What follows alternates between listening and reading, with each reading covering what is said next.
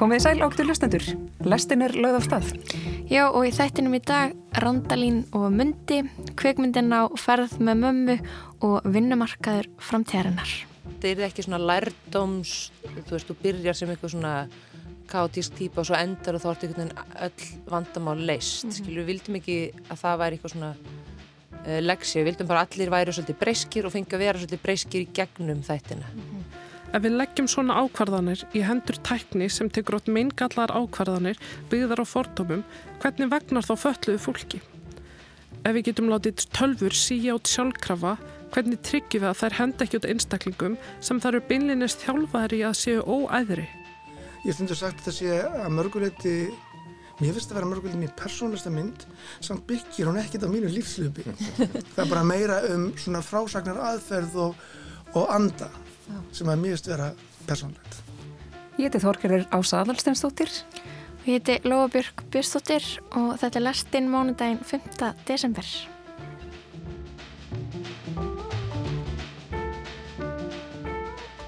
Þorgerur, gaman að fá þig hingað í lastina. Þetta er í fyrst skipti sem ert í lastinni. Hvernig, hvernig er að vera komin? Takk fyrir, þetta er ótrúleg tilfinning. Að vera lastastjóri með mér í dag. Virkilega gaman. Þorgerur er að hlaupa aðeins í skarðið fyrir Kristján Guðansson sem verður frá næstu vikurnar og svo verða líka fleiri starfsmenn rásareitt sem munu stökka inn í þetta hlutverk. En við ætlum að byrja þáttinn í dag á jólasögum riðlistanema sem var það fluttir hérna í lestinni fram að jólum.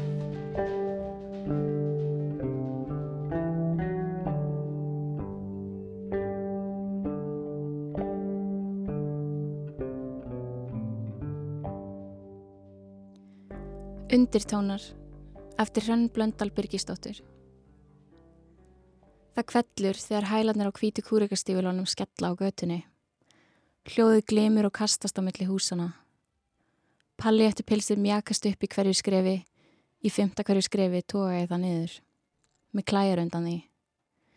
Ég reyni að vera ósynileg, án árangurs, allir stara. Sem er ekki skrítið, klukkan er átta á mótni. Ilmaslyktin hans lóður við hárið á mér eins og trjákvoða og mér sundlar af henni þrátt fyrir að hafa fundist um góði gær. Setrusviður og negull hafði hann sagt mér óspurður og þar með mist sérmann. Lillaritgeðin eftir Axel Örn Jansson Þetta er að flækjast fyrir mér. Greinitreið þar sérstaklega. Magna fletti áfram. Fólk fældi eitt trí á ári og söng fyrir það. Beð síðan að menna að rotna inn í stofu. Um jólinn. Jólinn? spurði Villi. Er þetta stóra reitgeðin? Nei, litla, svaraði Magna. Stóra er um útskorinn píjano með nótnaborður fílabeini. Halvt tonna þengt. Fólk barði upp á þriðjuhæð, 90 tröppur. Þetta var faraldur. Margir fórnuðu bakinu fyrir tónlistina í þá daga. Og uppgötuðu þólmörk vinasambanda. Magna hikaði. Ætli greinitri hafi ekki þjónað áleika hlutverki.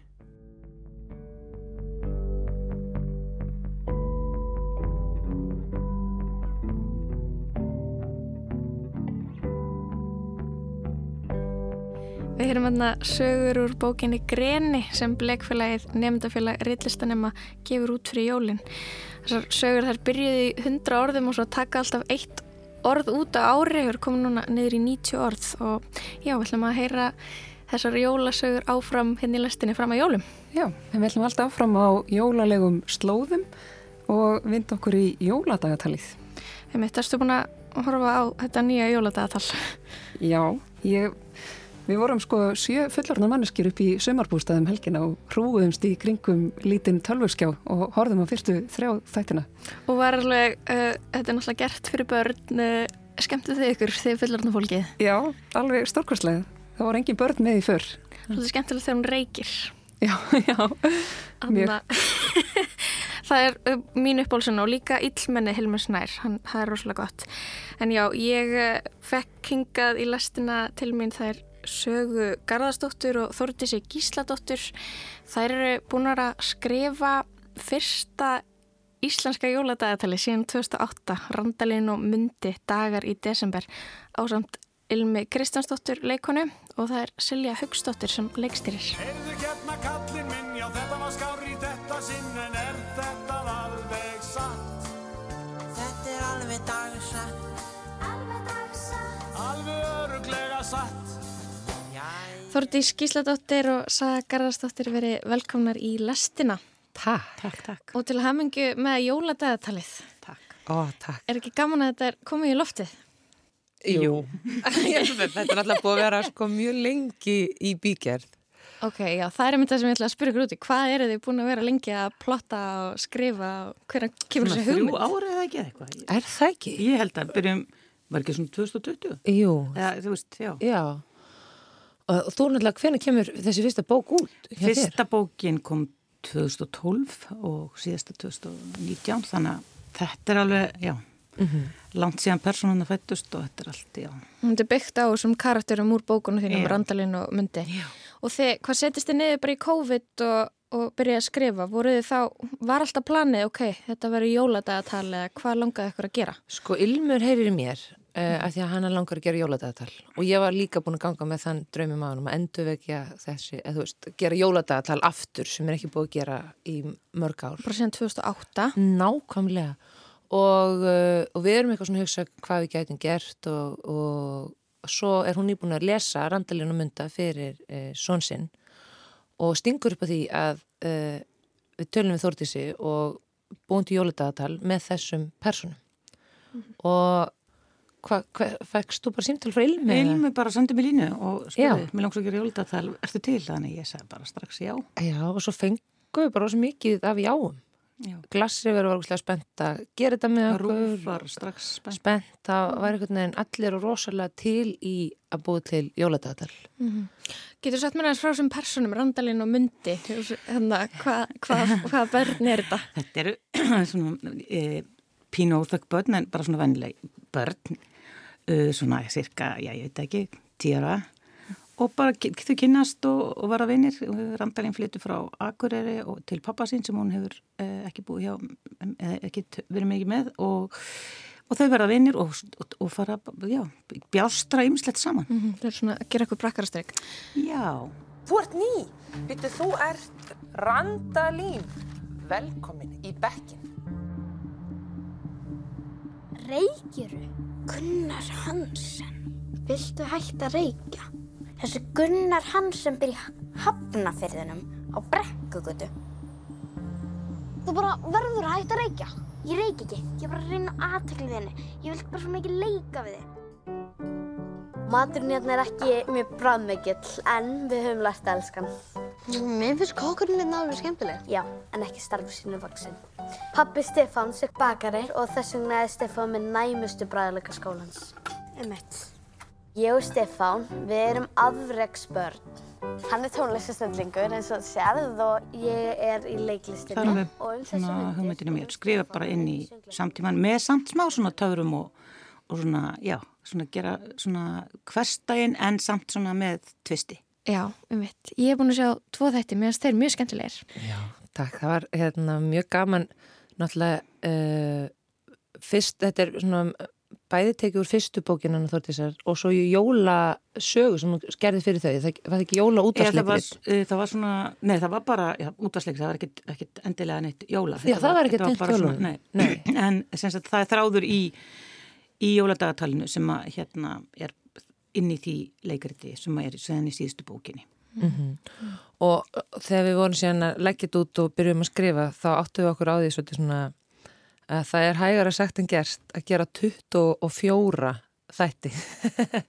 Náttúrulega langflesta sjómaserjur eru, uh, þú veist, lengri í mínútuntalið hver þáttur en þeir eru kannski 8 þættir eða 6 þættir, svona serjur.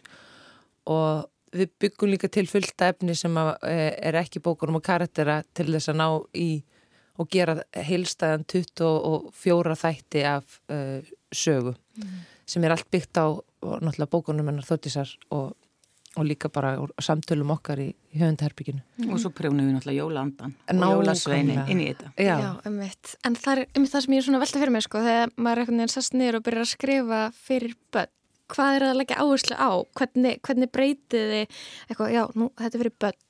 ég held ég að maður sé alltaf fyrir mitt leiti var ég aðalega bara að leggja ásla á gaman og þá mér fannst það bara rosalega mikið frelsi í að vera fyrst og fremst að þú veist líka það er svo mikið þegar þú ert að skrifa fyrir fulluna þá er svona, þú ert að taka inn fullorðins áhyggjur og vandamál það er rosalega gaman að fá að sleppa tökunum með því og, og geta fókusera meira á hérna barslega gleði og hugarflug og veist, þeirra áhyggjefni og hvernig þau leysa þau. Mér finnst þetta raun og veru bara eitthvað svona vera mjög frelsandi að fá að skrifa uh, fyrir krakka. Já, svo náttúrulega lögðu við strax við alveg upp með það frá upphafi að þetta er því líka fyrir fullarna þannig að þetta er svona á tveimu plönum mm. þannig að það sé, e, það sé eitthvað sem fullarnir gera þannig sem að krakkar fatta ekkit endilega og þurfa ekkit að fatta Emmeit. og e, svo, þú veist það sé badnað, og það, þannig er alltaf bestu badnabækunar, þar eru á svona plönum sem að hérna bæði fyrir ja, svona sem henda bæði börnum og fullornum þannig að við vorum strax að hugsa um þú veist þetta verður að vera þannig að fullornir, hérna, foreldrar og kannski, þú veist, unglingarnir nenni að setja með krakkunum sem er yngri og horfa. Í síðasta þætti björguðust börnin giftusamlegur óveðri og tókst að minna uppfinningamannin Finn Finns á betri hliðin á sjálfum sér og tilgangu jólahaldsins. En ferðalagi gengur þó skrikkjótt og enn á ný eru hafliði lill og stínuna komin á byrjunarreitin. Þetta er allt öðruvís en það var. Kanski er þetta ekki þar. Kanski er þetta bara hjá einhverju manni með glerugu sem á stóran hund. Voru þið eitthvað svona skoða gömul jóladagatöl, þú veist, munið eftir einhverjum jóladagatölu úr æsku sem þið voru með einhverju svona nostalgíu gagvart, eitthvað svona, já, þetta verður að vera svolítið eins og þetta. Mm, kannski ekki beint, en við hugsaum alveg, sko, náttúrulega jóladagatöl uh, hafa svolítið svona haft, haft Uh, þú veist, ég man, ég man í fyrsta lagi það er svo rosalega langt sem það voru jóladatöl þannig ég man ekkert nákvæmlega bóga nýðum öllum, ég man kannski bara einhverja personur, ég man eftir Badkarn í Betlehem og ég man eftir hérna Gunn og Felix að vera að leita völundi en ég man ekkert nákvæmlega hvað gerist. En við vorum svolítið svona glíma við hvort við ætlum að vera með, þú veist, svona cliffhanger eða hvað heitir það, er einhver mm -hmm. íslenska við það? Í lokin og hverjum þætti svona, og hvað uh, gerist næst, hvað gerist næst, veist, og, og það uh, það er svona miservitt að búa til svona kliffhangar en ég held við séum, höfum síðan ákveða að reyna að finna fjölbreyttari leði til enda, stundum endaði meira bara svona í ykkur atmói þannig að það er ekki, þetta er ekki sama svona eins og þú til dæmis í völundi þá bara komist þér alltaf í nýtt herbyggi í hverjum þætti. Mm -hmm. þannig að það var svona kannski svona helsta sem að vara að hugsa þú veist hvort að maður vil náttúrulega reyna að halda krökkum við efnið í 24 þætti. Um hvernig gerum við það? Mm -hmm. og þá svona fóð maður að velta fyrir hvernig var það gert. Er þið etna, búin að fá okkur viðbröð frá krakkum? Ég er búin að fá nokkur viðbröð frá, frá fullornum sem eru mjög hræsið með þetta. Já, okay, það er gott. Ég, fekk, ég, fekk, ég sá eina svona, daldið svona e, skeftiska aðtöðsamt frá manni að því að Randalín er hana með síkartu. Já, í, í fyrsta þettinum. Í fyrsta þettinum. Ég var svolítið ána með það. Þannig að, hérna, já. Dótti mín, henni fannst það ræðilegt, sko. Hún er fjórara. Já og hún alveg svona eftir þetta þurfti hún mikið að ræða þetta og, og hvað hefði verið að gerast og hvort hún hefði verið að reykja í alvörunni sem hún hérna var ekki að gera, ekki að gera. hún var svona að pósa mm -hmm. til þess að vera cool og svo vildi hún horfa aftur við horfum alveg þrísu sem á fyrsta þáttinn mm -hmm. en hún vildi alltaf hætta þegar hún fyrir að reykja það er bara svona ágæð, stopp og byrjum aftur frá byrjun og svo minnum við alltaf hætta mm -hmm. En er ekki smá mikilvægt líka í barnarefni að sko reytskoða segja ekki alveg vera ekki að reyna að sína um einhvern heim sem er ekki já, eitthvað, eitthvað svona ídel heim þar sem enginn gerir neitt ránt og það er aldrei neitt ruggl Jú, algjörlega, við tölum líka um það bara mjög já, snemma, við vildum ekki eh, einhvern veginn svona sína, þú veist, við vildum helsta personuna í gegnum það að þetta myndi ekki breytast. Mm. þar segja þau myndi, þetta er ekki svona lærdóms, þú veist, þú byrjar sem eitthvað svona kátísk típa og svo endar og þá ertu einhvern veginn öll vandamál leist. Mm -hmm. Skilur, við vildum ekki að það væri eitthvað svona uh, leksi, við vildum bara allir væri svolítið breyskir og fengi að vera svolítið breyskir í gegnum þættina. Mm -hmm. Lotta í ólutakarið, eitthvað þannig. Já. Mm, kannski, já. Svolítið svo leiðis að hérna, já, ég menna það er alveg ólöglegt aðtafið þarna en þannig já. er þetta bara.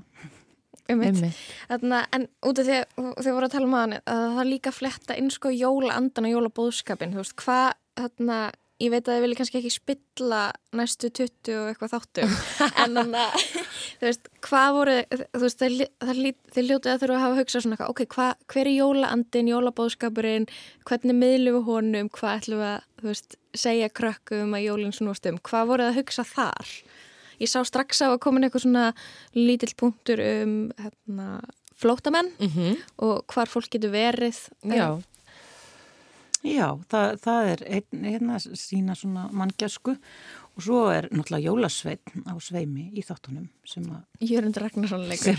Fullkomlega, hann er fullkomin og hann hérna byrtist þarna og er smá svona örlega valdur líka Já, þau, svona, þau eru líka að reyna átt þess að hvort þið trúið í að hann sé Jólasveitn eða ekki mm -hmm. Er, er þið svona velta fyrir ykkur, ok, þú veist, barnstrúni, trú, trúa á galdrana við jólinn, þetta sem við veitum ekki, krakkar sem fá í skóin og veit ekki alveg, er jólasetnin raunverulegur? Svona... Já, algjörlega, og þau hitta líka spákonu og þú veist, er hún raunveruleg, þú veist, er ekki allt raunverulegt og, og hún spái fyrir þeim og þau fá pendul sem þau geta, þú veist, hlustað á. Og þá eru við líka hugsa um þetta, þú veist, að hlusta á að því að pendul Uh, ég á til dæmis vinkonu sem að hérna, hitt um daginn svona kátísk týpa en, en rosalega mikið svona tarotspilum og pend, á pendul sem hún tekur rosalega mikið marka á. Og hún var eitthvað svona að reyna skipil og ég endur að stofinu sinni og var að segja mér hún að vera að spyrja pendulinu sinni og hún fekk ekki alveg skýrt svar. Hvert hún ætla að setja stofuborðið. Hún ætla aðeins svona að fara í gangutúr og reyna síðan aftur. Og mér finnst þetta svo fallet að því að pendul náttúrulega bara hann bara sveiflast og þú, þú bara ákveðu svari sem þú vilt fá þannig að mhm. kannski þannig hjálpa hann þér. En það er mjög gaman að hafa pendul sem eitthvað svona, svona uh, afl til að leiða þig áfram því það er þú ert hvort sem er bara að fara að taka þessu ákveðinu sjálfur skilur, þú getur varpaðin á pendulin Sjáu hérna henni hérna pendul hann getur hjálpað ykkur hérna til þess að leysa þetta mikilvæga verkefni. Og sjáu, sjáu nú hvað ég geri. Nú spyrjiði pendul þurfa þessi börn að leysa mikilvægt verkefni núna í uh, desember. Það er þessar pælingar með flótafólkið. Um, er það þrá, að fara að vera þráður í gegn? Ég er bara búin að sjá trailerin og, og tvo þætti. Verður, verður þetta eitthvað svona Já, viðfónsefni? ég held að við getum alveg sett, mm -hmm. sett að vera eitthvað að spilla. Og, mm -hmm. En við höfum líka hérna, e, það verður alltaf svona samtal í allavega minnir það var þannig þegar ég var í skóla svona, á jólunum um hvað snúast jólin og hvað getur við gerst og hvað er að gera góðu verk og, mm -hmm.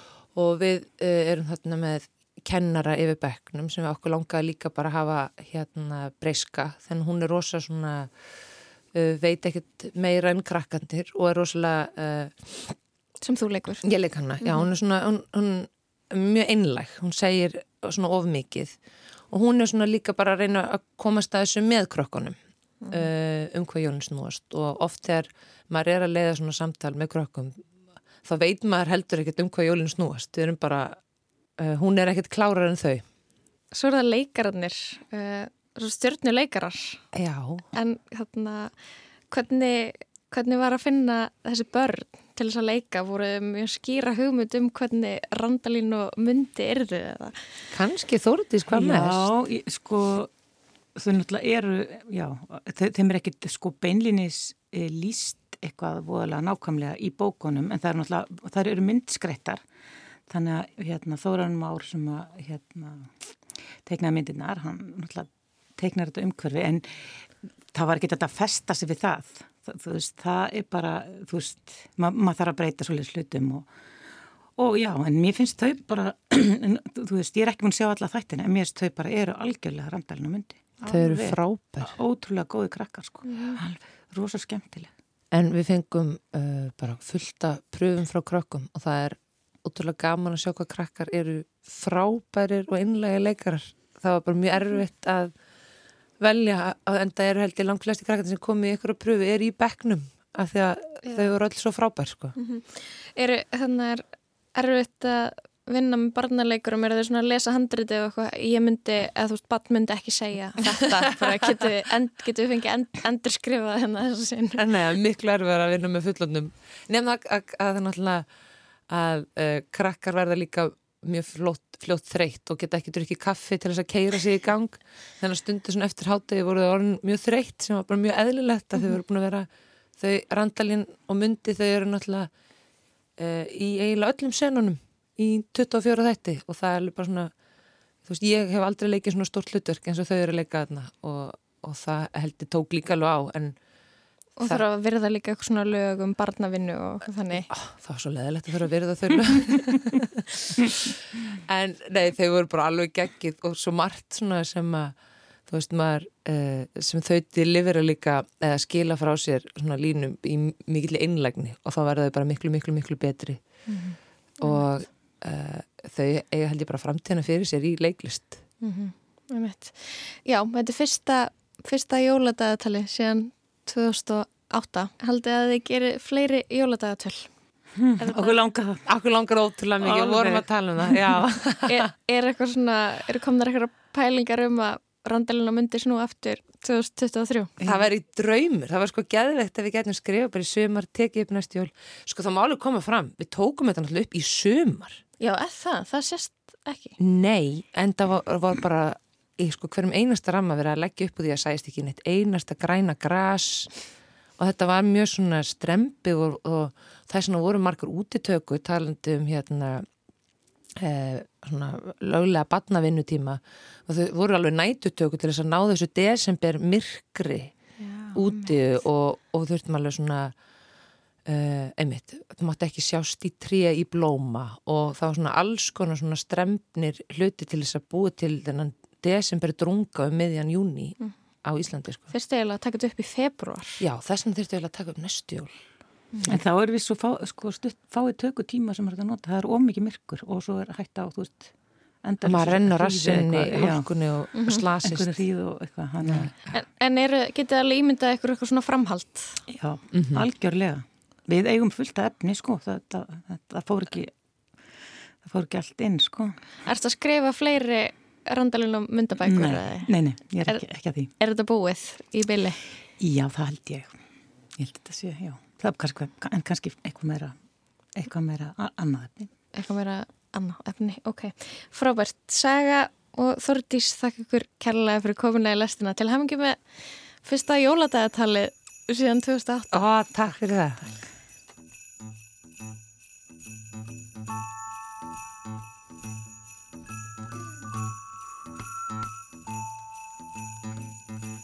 Stelpa Mér langar til að haldi höndin á þér Hægan, hægan, einni í einu annars ítla fer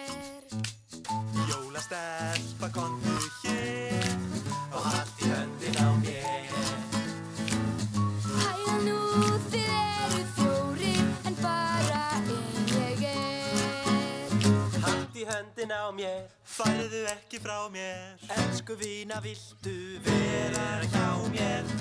Ekki get ég strákar mínir Hilsað öllum í senn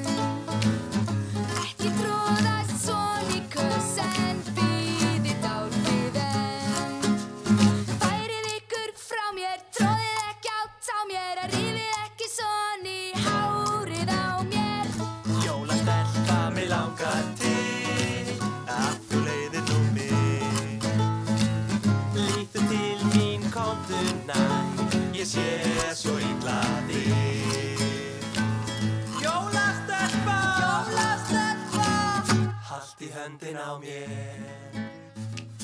Jólastelpa, jólastelpa Hallt í höndin á mér. Saga Garastóttir og Þordís Gísladóttir voru hérna í lastinni í rætti við þær um jóladagatali Randalín og Mundi. Fyrsta íslenska jóladagatali síðan 2008 Svo heyrðum við lægið Jólastelpa með hljómsveitinni Cozy af plutinni Cozy Jól frá 1995. Þessi hljómsveit var skipuð skólapiltum úr MR sem eru í dag þekktir þjóðfélagstegnar. Þannig er Rækki Kjartansson, myndlistamæður, Úlfur Eldjátt og Markus Þór Andresson og svo er líka Heiða í unun hann með þeim. Það var svolítið vinsall lag á sínum tíma en já, gaman að fá tækifæri til að byrja að spila þessi skemmtilegu jólalög. Já, svolítið ofanlegt og skemmtilegt lag En Inga Björk Margreðar Bjarnadóttir er næst á mældarskrá. Hún mun flytja pistla um tækni og föllum næstu vikurnar. Að þessu sinni fjallar pistillennar um gerfigreind, vinnumarkaði framtíðarinnar og stöðu fallansfólks á honum. Hún hefur málsitt á tilvitnun í bók. Sjáum á tíi stimpilklukna með reglulegu millibili við ingangin. Fylst er með hverri sekundu að vinnu og þær mældar. Starfsmenn sem kallar eru félagar verða að skanna sinn um leiðu þeir mæta. Kaffistofunar sem eru dreifðar og baðaðar flúrljósi eru líka með stimpilklukkum. Þar eru fleiri skildi til þess að undistrykka að allar skannanir inn og út úr kaffistofum eru rættar. Starfsfólk er vakta í vöruhúsinu rétt eins og pakkarnir til að tryggja hámarks afköst. Pásur eru 15 mínúna langar á hverju vakt með 30 mínúna ólaunuðu matarklíi. Hver vakt 10 tímar.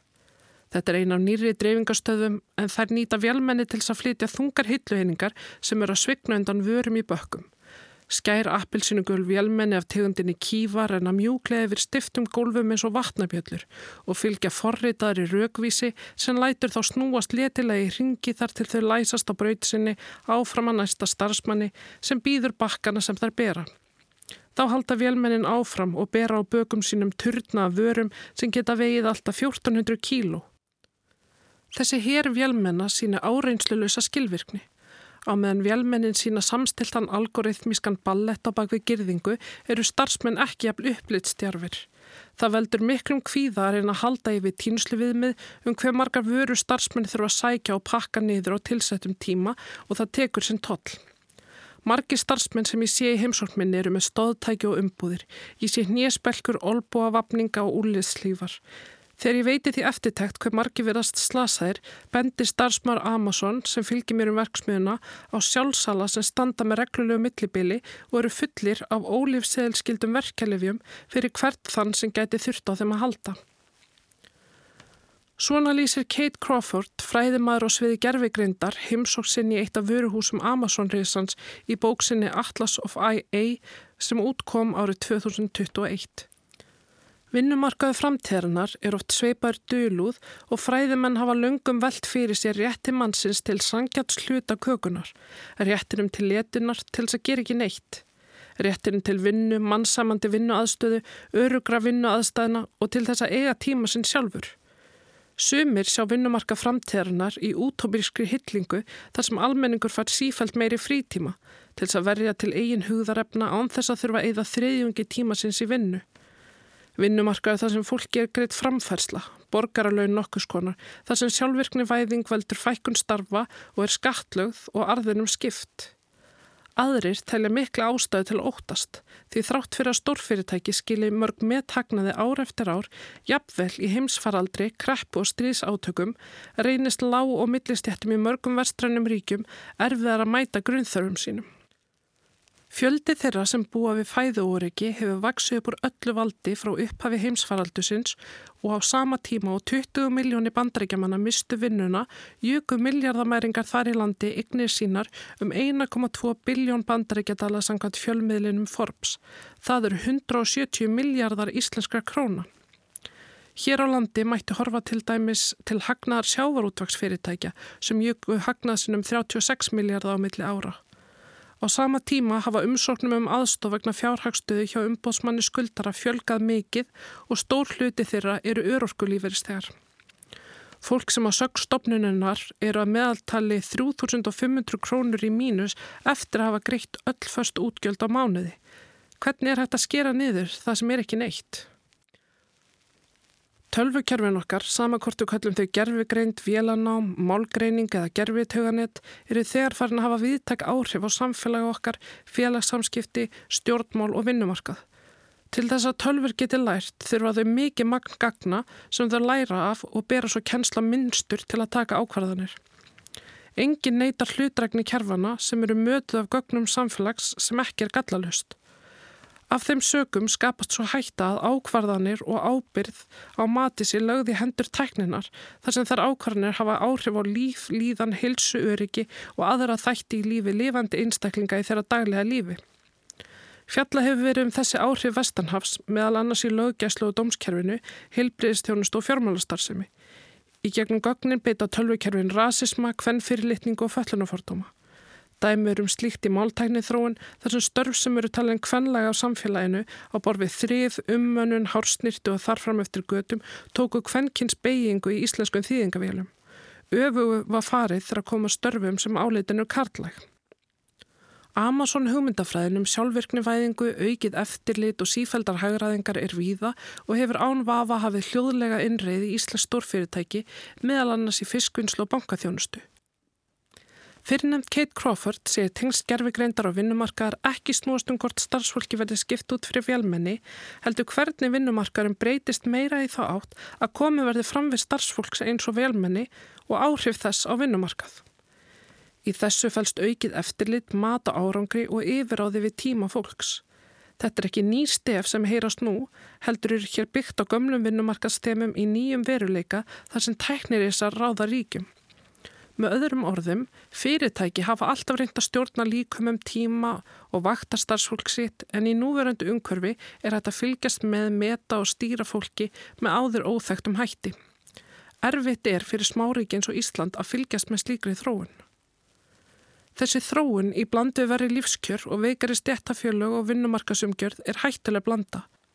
Á Íslandi er vinnulögjur sterk og sterkar en víða en auðsilegt er að horfa til þeirra rannsókna sem sína okkur að fólk í láleinastörfum, fólk sem vinnur líkamlega erfið að vinnu fyrir lítið kaup og er fast í klóm fátæktar allt sitt líf, er líklega til að enda síðar á örorku.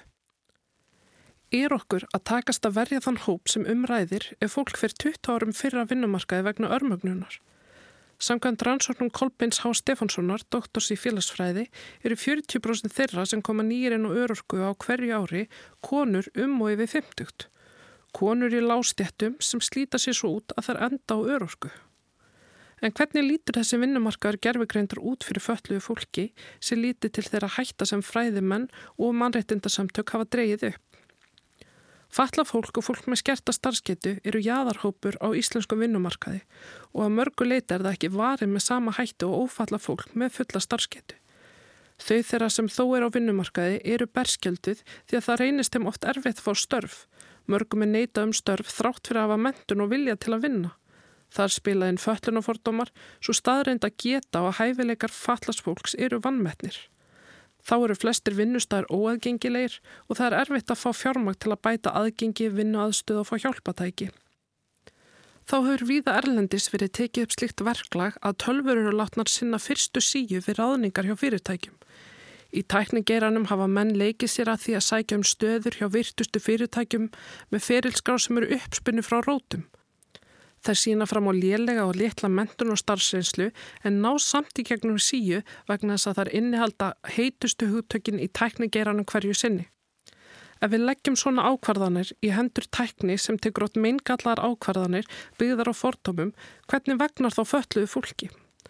Ef við getum látið tölfur síja át sjálfkrafa, hvernig tryggjum við að þær henda ekki út einstaklingum sem þar eru beinlinist þjálfaðir í að séu óæðri? Því ef mikið maggagna sem þar eru mataðar af eru fordómafull er mat þeirra þar líka. Svo eru það þeir sem geta alls ekki unnið. Það er flestu fólki mjög fjarrri að það gæti þurft að leita náðir almannatryggingakerfisins sem betur fer. En það er erfitt, næri ómögulegt að draga fram lífið fyrir fólk sem getur ekki unnið að neinu leiti. Þau hafa dreið svartapétur og þurfa að draga fram lífið á svo lágum greiðslum að reikninguru stendur í mínus 3500 krónum á meðaltali upphafi mánar samkvæmt umbásmanni skuldara. Sá hópur sem þykkur framfærslu frá kerfinu er heldur ekki stikkfrí frá samfélagsmótun Amazon-reysans og annara tæknifyrirtækja. Vert er að taka fram að Amazon þróar og selur andlitsgreiningabúna sem notaður er meðal annars af lauruglun í bandaríkjanum og það hefur verið sínt fram á af mannréttindasamtökum að forriti er með innbyða fortóma. Mörglönd nýta slíkan eftirlitsbúna til þess að fylgjast með bótaþjóðum og kom slíkt mál upp í Hollandi. Þar komist domstólar að þeirri niðurstöðu að eftirleitskerfi ríkisins með bótaþögum hafði verið brot á mannréttindum en fatla á langveikt fólk var beitt óhóflegu eftirliti og var broti á fríðhelgi þess þegar tækna þessu tægi var nýtt til þess að reyna að uppræta bótasvík. Slíkt eftirlit þekkist víða um heim. Þegar lögjöf um vinnumarka framtíðarinnar er mótuð verður að taka mið af þessu nýja veruleika þess að Crawford og annara fræðimanna. Kerfið má ekki halda áfram í þeirri trú að um vinnumarka 20. aldrana sé að ræða eins og ekkert hafi ískorist. Tæknireysarnir vinna þvert á landamæri og fatla fólk í öllum ríkum heims á rétt á vernd eins og aðri borgarar.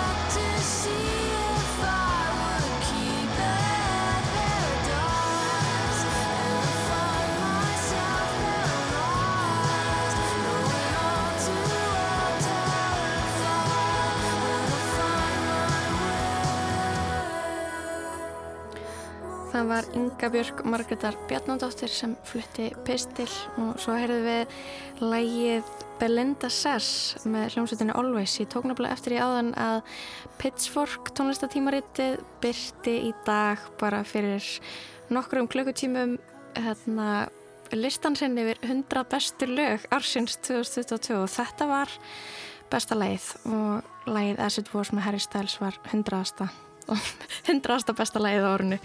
Alltaf uh, gaman þegar þessi listar fara detta í hús að sjá hvað fólki þótti standa upp úr á árinu. En við ætlum að færa okkur úr tækninni og tónlistinni yfir í kvikmyndir. Þorgerur, þú hittir tvo góða menn í dag í spjall.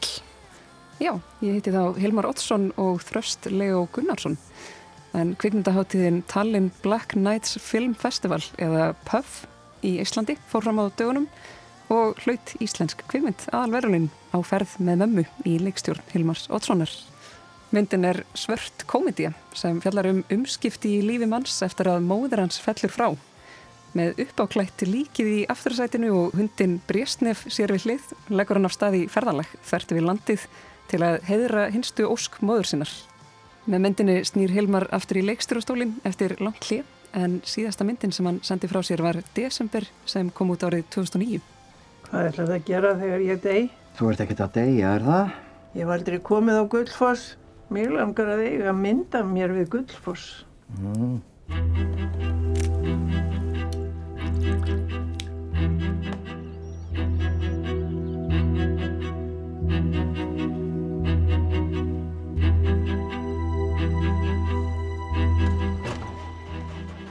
Nýjasta kvikmynd Hilmars Ottssonar á ferð með mömmu hlaut Grand Prix aðal verlun Puff Black Nights kvikmyndaháttíðarinnar í Tallinn 27. november síðastliðin. Til hamingju Hilmar og velkomin í lestina. Þakka þið fyrir. Þú ert mættur hingað á samt þresti Leo aðal leikara. Velkomin í báðir. Já, takk. takk. Kanski byrjum bara aðeins á því að tala um háttíðina stuttlega. Mm -hmm. uh, hún stendur í viku. Nei, meira. Hún er eiginlega nærði að vera rúma tvær viku sko. Hún er frekar laung með að við kvimta á þér sko.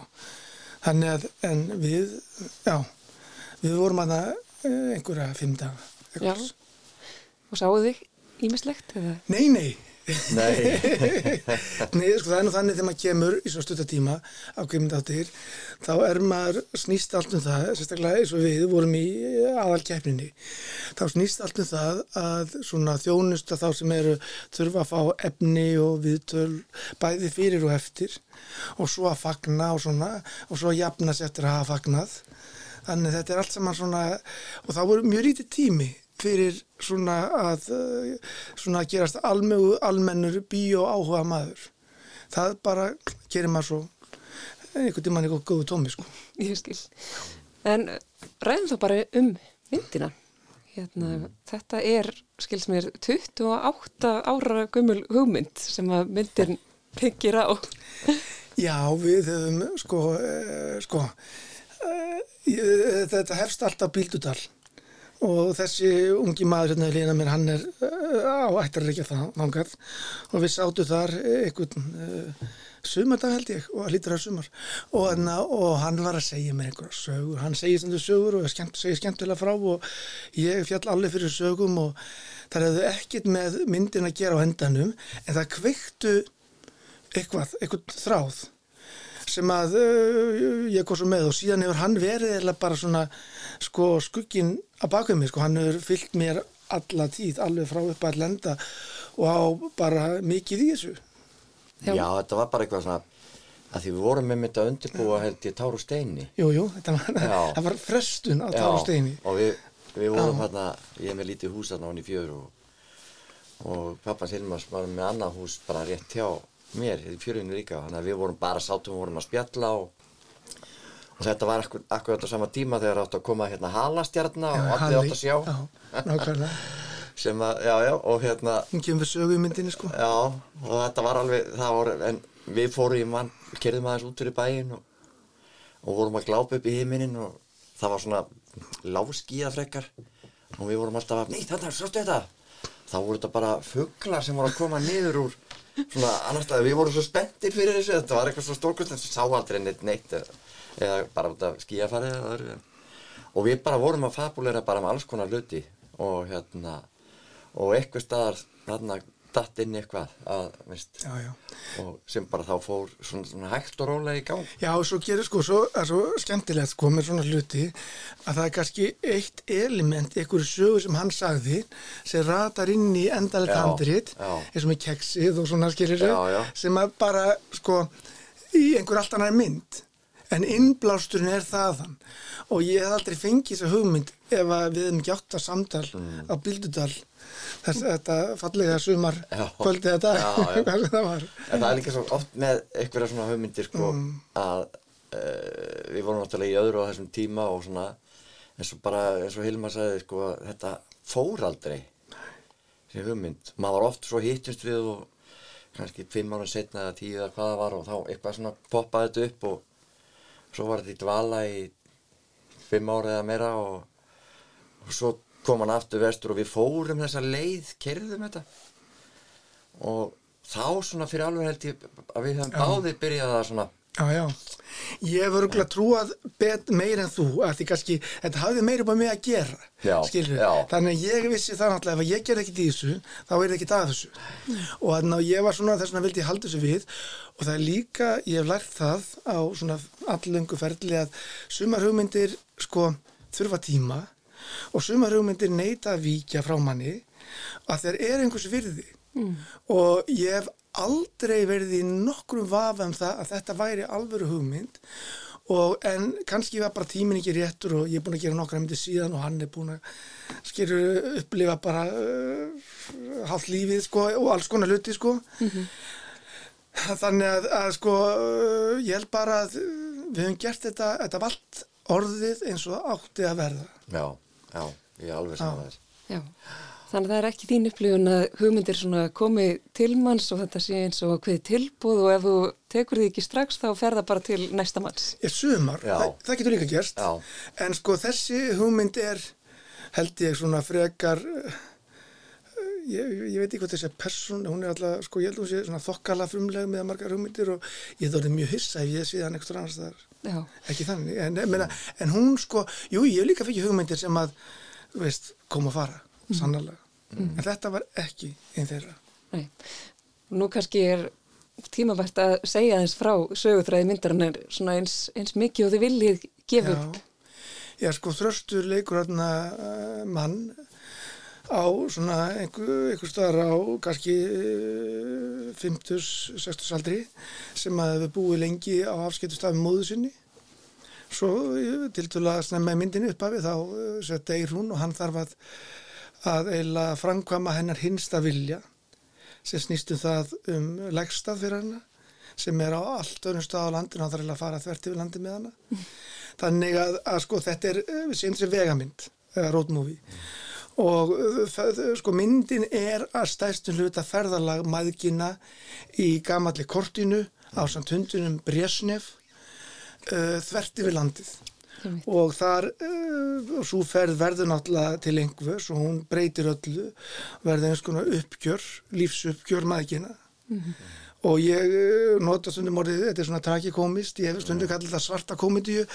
En sko svo ef ég tekið til því nefnist úti að, að maður þarf að fara svolítið varlega hvernig maður svona sko svo ég sletti leipilegar er svona eitthvað svona við að maður setur á myndir sko af því hún er allt í senn sko hún er, hún er komedía, hún er uh, kannski sorglega, hún er sorglega líka, hún er, hún er svona kannski einhvers að fílgút, það er kannski næst lægi. Einmitt. Og, og Kristbjörg Kjeld leikur móðurinn. Hún leikur móðurinn. Og er dáin mest allan hluta. Já, ekki allan, allan hluta hennar, stóra hluta hennar. Já, já, já, já en En það þarf ekki endilega því að neitt og menn séu dánir. Nei, nei, nei, nei. Og, og á að mér skilst fyrir Kristbjörg á alltaf stjórnuleik. Það er alveg saman hvernig. Það var ekki, sko, hvað var gaman að keira með hana, sko. Já. Þú veist, að, og hérna, einhvern veginn, fyrir mig var þetta bara, sko, algjör draumur að við sátum hérna í bílnum og kjöftuðum um heima og geima og alls konar hluti og hún sagði mér frá, veist, alls konar leikaraferlinum og, og, Já, og þetta var svo, mér var þetta svo dásamlega skemmtilegt, sko. Já, já. Það fyrir mig var þetta alveg bara besta sem ég hef gert, sko. Já, Kristbjörg er náttúrulega sko okkar stóra svona grand old lady sko í bæði leikhúsi og kvikmyndum sko. Þannig að, að það er bara, og maður þakkar bara fyrir það að hún skuli vera svona hress og heil heilsu og, og ég meina hún er alveg hún er bara ótrúlega, það veit allir sem að hana þekkja og vinna með henni, það, hún er einstök. Ég man minni mig sko að, að þegar við vorum að ræða hver ætti að leika mömmun Já, já. Það var aldrei held ég bara kom engin annar til greina sko. ef hún væri laus við vorum alveg bara svona af því það er svo mikið hjá hann að gera og hérna þannig að þetta var alveg bara draumur að, að fá hana með okkur í þetta sko. Þú ert að grenja. Grenja? Nei, ég var ekkert að grenja. Hægri, vinstri.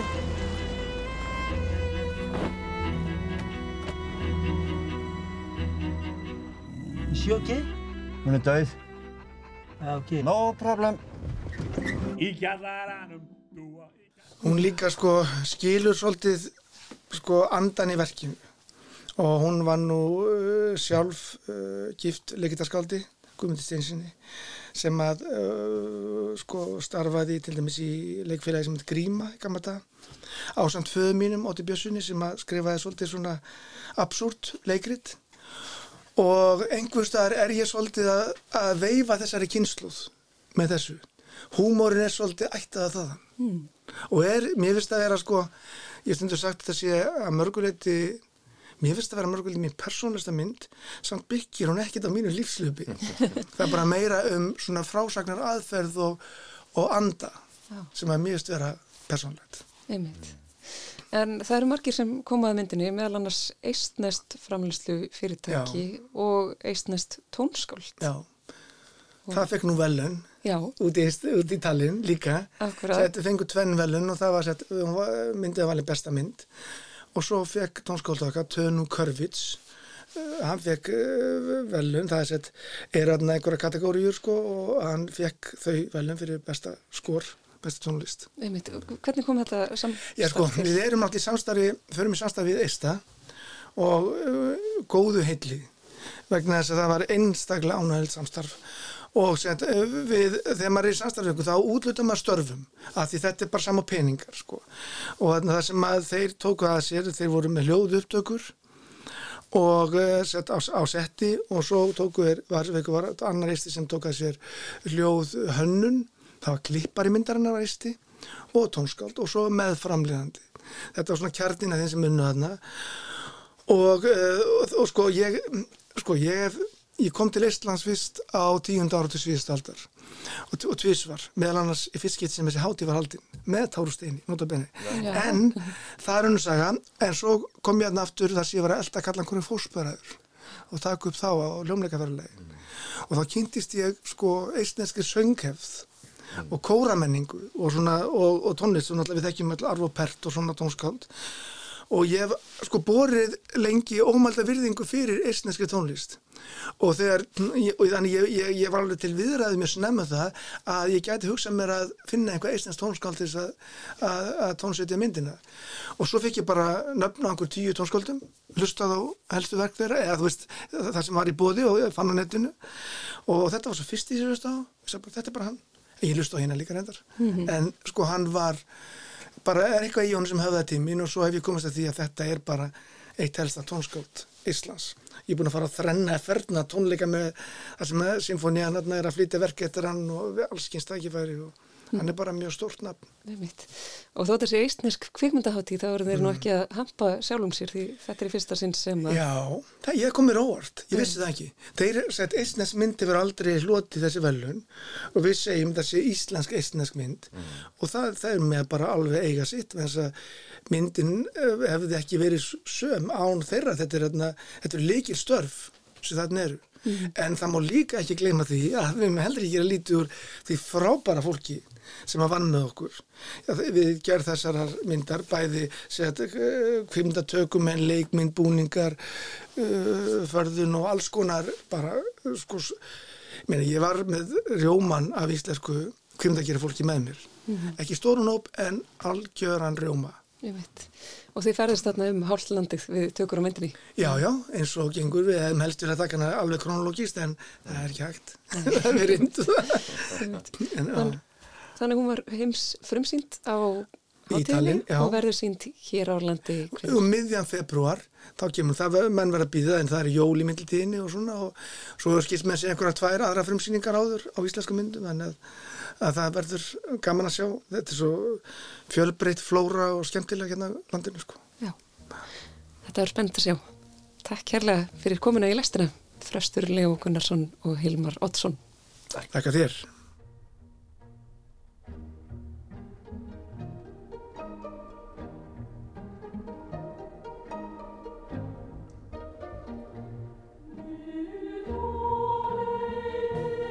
Hér heyrðum við í eistneskum kammerkór, Estonian Philharmonic Chamber Choir og kammersveitin í Tallinn. Þetta var sálmur í útsetningu eftir tónskáldið Tönu Korvits sem semur tónlistina við kvikmyndina á ferð með mömmu.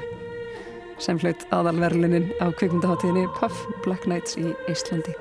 Já, þetta er það sem gerist þegar við fáum e, lánaðan þull til þess að koma í lestina þá spilum við kannski smá kammertónlist það getur gerst e, takk, Já, aldrei veit hann að ekki komast í hátíðaskap við þessa eistnesku jólatóna. Þetta er, þannig er sungið um Jésu. Ok, ymmit en þá er komið að leðalögum hérna í lestinni hjá okkur Lóa og Þorgeri Þorgeri Rósa í sinum fyrsta lestarþætti hvernig fannst þér? Bara stórgott. Stórgott, já, ég tek undir, tek undir það með þér. Tæknum að lestarinn í dag er Úlfhildur Eistinsdóttir við verum hérna aftur á sama tíma á morgun og hvernig sem er í spilaránum Verðið sæl